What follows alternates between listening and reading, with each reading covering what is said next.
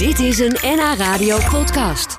Fotografe Elisabeth van Aalderen uit Haarlem maakt foto's van vrouwen met vitiligo. Dat is een huidaandoening waardoor je pigmentaanmaak wordt verstoord, waardoor je vlekken krijgt op je huid. Twintig vrouwen die daar last van hebben, lieten zich door Elisabeth portretteren. Die foto's gaan inmiddels de hele wereld over. Ze stonden in tijdschriften als Vogue, de Huffington Post en in de Linda. Mijn collega Jos Heerdemans sprak met Elisabeth over haar foto's en over vitiligo, want Elisabeth heeft het zelf ook. Uh, wat het eigenlijk doet, is dat het uh, uh, je huid of je pigmentcellen afbreekt in plaats van weer aanmaakt. Mm -hmm. en dan krijg je dus eigenlijk pigmentloze vlekken op je huid. Ja, en dat, dat ziet Bleke eruit als die, als die witte vlekken. Ja. En, Ja. en is dat dan ook omgekeerd dat als je een hele lichte huid hebt, dat je ook donkere vlekken kunt krijgen of niet? Nee. Oh, nee, dat niet? Nee, want je breekt echt het pigment af. Je weegt pigment af. Ja. En Ja. eh, hoe ben jij zo eh, ja, op het idee gekomen om juist daarvan eh, foto's te maken? Omdat ik het zelf ook heb. Ik heb het ontwikkeld rond mijn 24ste. Uh, Wat laat? Ja, dat is laat. Maar ze zeggen wel dat veel vrouwen rond hun 25ste levensjaar dat het zeg maar openbaart. Mm -hmm. um, en ik werkte toen der tijd uh, al als fotograaf en veel in de mode-industrie. Mm -hmm. En um, ja, toen vond ik het eigenlijk wel kwalijk dat er maar zo weinig, uh, nou ja, dit, dit... Aan, aan, aandacht aan besteed ja, wordt. Ja, ja, Want komt het vaak voor? Ja, heel vaak. Oh ja? Uh, nou, het klinkt misschien als een klein getal. Ze zeggen dat een half tot 1 procent van de wereldbevolking het heeft. Mm -hmm. Maar goed, dan heb je toch al snel over 70 uh, miljoen mensen. Ja. dus dat is best een grote groep. Ja, en weten ze ook hoe het komt? Uh, nou, er is niet heel veel onderzoek naar. Um, omdat het natuurlijk alleen een cosmetische ziekte is. Het doet geen pijn, uh, het jeukt niet. Uh, het enige nadeel wat je daarin hebt is dat, het er, weet je, dat, dat je het ziet. En Mhm. um, dus de onderzoeken, maar, wat dat betreft, lopen een beetje spaak. Ja. maar bij mij bijvoorbeeld is het zo dat het eigenlijk in mijn DNA fout is geprogrammeerd. En daardoor heb ik het gekregen. Ja, maar, Maar dat, het kan kom, ook- maar kan- dat kom je dus pas achter als je 24 bent. Ja, Dat is merkwaardig, Ja, dat is toch? merkwaardig. Ja. Maar ook een aantal mensen die het krijgen als hun bijvoorbeeld een schildklier niet goed werkt. Of Mm. uh, sommigen worden ermee geboren. Het is echt verschillend. Ja, ja. En, en kun je het ook overal krijgen? Want uh, zit het over je hele lichaam? Uh, hoe, hoe zit dat? Ja, het zit over heel je lichaam. En uh, het openbaart zich vaak het eerst op de plekken die het meeste weerstand krijgen. Mm -hmm. Dus je handen, je gezicht, je liezen, je oksels. Hmm. Waar de wrijving het grootst is. Omdat daar je huid ook het snelst weer opnieuw een, zich aanmaakt. Ja. En, nou hoe sneller dat die huid op, telkens weer opnieuw moet aanmaken... hoe sneller je natuurlijk ook die pigmentvlekken gaat zien. Ja, ik kan me voorstellen dat mensen je dan nakijken... als je het echt uh, op, uh, op veel plekken hebt. Uh, ja, dat gebeurt ja. ook. Ja, ja. ja. ja. Ik, jij zit hier nu tegenover mij. Ik zie niks aan jou. Nu heb je ook een jas aan. En, en dat vast niet voor niks. Nee hoor. Oh. Nee, nee, nee. Uh, nee, ik ben eigenlijk al voor, uh, ik denk 80% gedepigmenteerd. Dus ik ben eigenlijk al, alles wat jij ziet is eigenlijk al gewoon helemaal wit. Gedepigmenteerd. Ja. Prachtig woord. Ja, overigens. toch? Ja, dat vind ik wel heel mooi. Ja. Ja, dus jij bent al bleker dan dit kan niet. Nee. Nee, nee dus, dus vroeger was jij donkerder dan dat je nu bent. Ja, dat klopt. En gaat dat dan door tot je uiteindelijk helemaal gedepigmenteerd bent?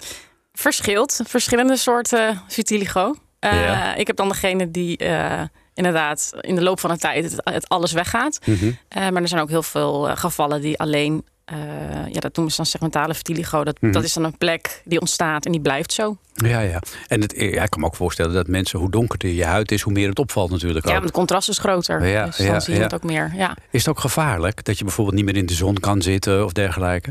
Nou, het, het is gevaarlijk als in dat je geen pigment hebt, dus je moet wel goed smeren. Mhm. Um, maar goed, dat moet iedereen eigenlijk. Alleen bij ons zie je het gewoon sneller, want wij verbranden gewoon binnen 10 minuten. Ja, en het wordt niet meer bruin natuurlijk nee, ook. Nee, nee. nee. Is er wat aan te doen? Uh, genoeg als je uh, voor de korte. Uh, hoe zeg je dat? Voor korte, de korte termijn. Korte termijn. Smeren met bruin, bruinsel om zo schoen te Nou ja, toen, toen ik het net kreeg, dan ga je natuurlijk gelijk al die, al die, ga je alles kijken wat het kan oplossen. Mm -hmm. Ik kreeg hormooncremes, lichttherapie. Maar goed, mm ja, als je zolang je het gebruikt, wordt het minder. Maar zolang je stopt, komt het weer terug. Ja, je, je komt over als een vrolijk mens. Dus ik denk Ja. dat jij er misschien niet zoveel last van hebt. Of je kunt heel goed doen alsof. Oh, nee. nee, ik heb er niet, veel, niet meer veel last van. En Ja. dacht dan denk je, nou, dan ga ik er foto's van maken om dit eh wijder te verspreiden. Eh, die foto's die hebben de hele wereld al eh, bereikt op dit moment. Ja, ja, dat klopt, ja. Hoe heb je dat gedaan? Geen idee. Nou ja, je, hebt ze, je hebt ze op een of andere manier onder de aandacht gebracht van onder andere de Vogue, de Huffington Post, de Linda. Hoe doe je dat? Uh, nou, ik heb eigenlijk het hele project gestart. ook door de vrouwen te zoeken op social media. En eh, de eerste aantal foto's die ik had gemaakt, die heb ik ook gedeeld op social media. Mhm. Ja, en dat is opeens eigenlijk ergens gewoon opgepikt. Ja. En toen ging het eh, balletje rollen. Ja, en kom je er dan achter dat, het, eh, dat er heel veel vrouwen zijn die er eigenlijk eh, mee kampen? Ja, ja, heel veel. Ik krijg echt dagelijks eh, ja, tientallen verzoeken met van... hey, ik, ik heb het ook, wat fijn dat je dit doet. En Hm. ja, die is, dat is echt heel, een heel groot aantal. Ja, dat kan ik me voorstellen. En die, dat, dat begint, hè, vooral voor kinderen lijkt het me ook heel vervelend. Die Ja. zullen er ook wel mee gepest worden, Ja. denk ik. Ja, de vrouwen die bij mij komen of geweest zijn voor een portret... zijn de vrouwen die het heel jong kregen, in, het, Mhm. in een, echt in hun eh, kinderjaren. Dat zijn wel de gevallen die het meest gepest zijn. Mhm. Kinderen zijn wat dat betreft wat iets meedogenlozer. Dat kun je En, zeggen, ja. ja. Ehm, dus ik denk dat het mijn voordeel is ook geweest dat ik het ook na mijn puberteit pas kreeg. Ik Mm. ben zijn natuurlijk al iets zeker in het leven. Dus dat Ja. is makkelijker dan om mee te dealen, Ja. denk ik, dan als je zo jong bent. Ja, en we hebben het over eh, vrouwen vooral. Eh, hebben mannen het niet of eh, tillen die er niet zo zwaar aan? Ehm, beide denk ik niet. mannen hebben het ook. En ik denk dat er genoeg mannen zijn die er ook heel erg veel last van hebben. Mhm. Of helemaal niet. Eh, maar ik wilde het. Dit project ging vooral om mijn vrouwelijke perspectief. Hm. En dat wilde ik ook delen. Nou, eh, straks eh, gaan we uitgebreid verder praten over wat het allemaal teweeg heeft gebracht. Al die foto's van jou en wat er nog allemaal moois zit aan te komen. Je hebt twintig, foto, of 20 vrouwen gefotografeerd, eh, Ehm, Ik kan me zo voorstellen dat het nog niet meegevallen is om vrouwen te vinden die dat willen laten fotograferen. Nou, daar, daar vergis je in. Want het was Oh. wel. Ik denk, er waren echt veel vrouwen die zich hebben aangemeld. Oké. Ehm, over, van eigenlijk over de hele wereld. Hm. Ehm, dus daar hebben we dan uiteindelijk afspraak gemaakt en het gewoon maar gedaan. Ja, dus eh, hoe ben je die vrouwen, eh, ja, hoe heb je ze te pakken gekregen? Heb je dat via Instagram gedaan of op een andere manier? Eh, eigenlijk heb ik ze allemaal via Instagram benaderd. Zeg maar de eerste, de eerste vrouw die ik wilde fotograferen. Eh, en gewoon mijn verhaal verteld van dat ik Mhm. het ook heb en dat ik het graag wil vastleggen. Eh, wel op een esthetische manier. Ehm, en of ze naar Amsterdam willen komen. Oh, ja. En- Er zat voor jou geen eh, reisje rond de hele wereld in. Nee, ja, jammer, genoeg niet. Nee. Nee, ook omdat je een soort van consistentie in het beeld wil. Is Ja, het wel ja. fijn om een vaste plek te hebben.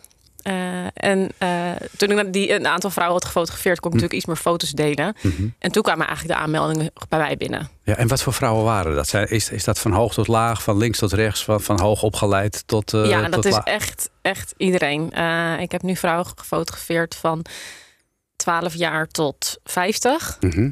Ehm, ja, ja, uit Nederland, België, Engeland, Amerika, Dat- Frankrijk. Ja, dat- eigenlijk. eh, ja, en dan moest je gaan selecteren welke er in dat boek zouden mogen, eh, Ja. dat je wilde samenstellen.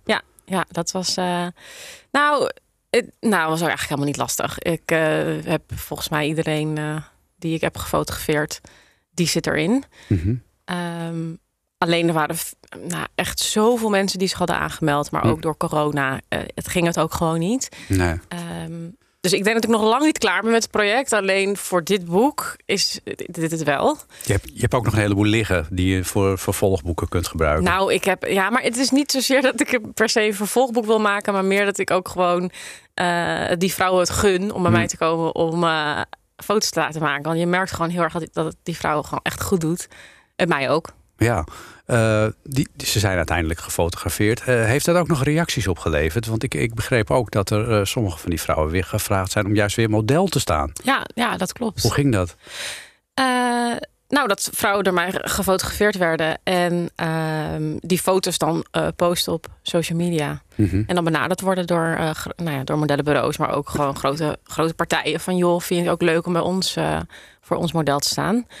Ja, en dan heb ik wel een beetje het gevoel van yes, dit, is wel, dit was wel de bedoeling. Ja, ja. Ja, dus eigenlijk ben je ook een soort ambassadeur van de ziekte in dat geval. Ja, ja. ja. ja. Moet je het eigenlijk Nou, ziekte noemen? nee, want je wordt er niet ziek van. Het is Nee. gewoon een aandoening. Een aandoening. Ja. Ja. Ja, ja, net als mensen met een wijnvlek bijvoorbeeld. Ja, bijvoorbeeld. Ja. ja. Eh, nu heb je deze hele serie gemaakt. Er komt een boek van. Dat komt in november uit. Eh, Ja.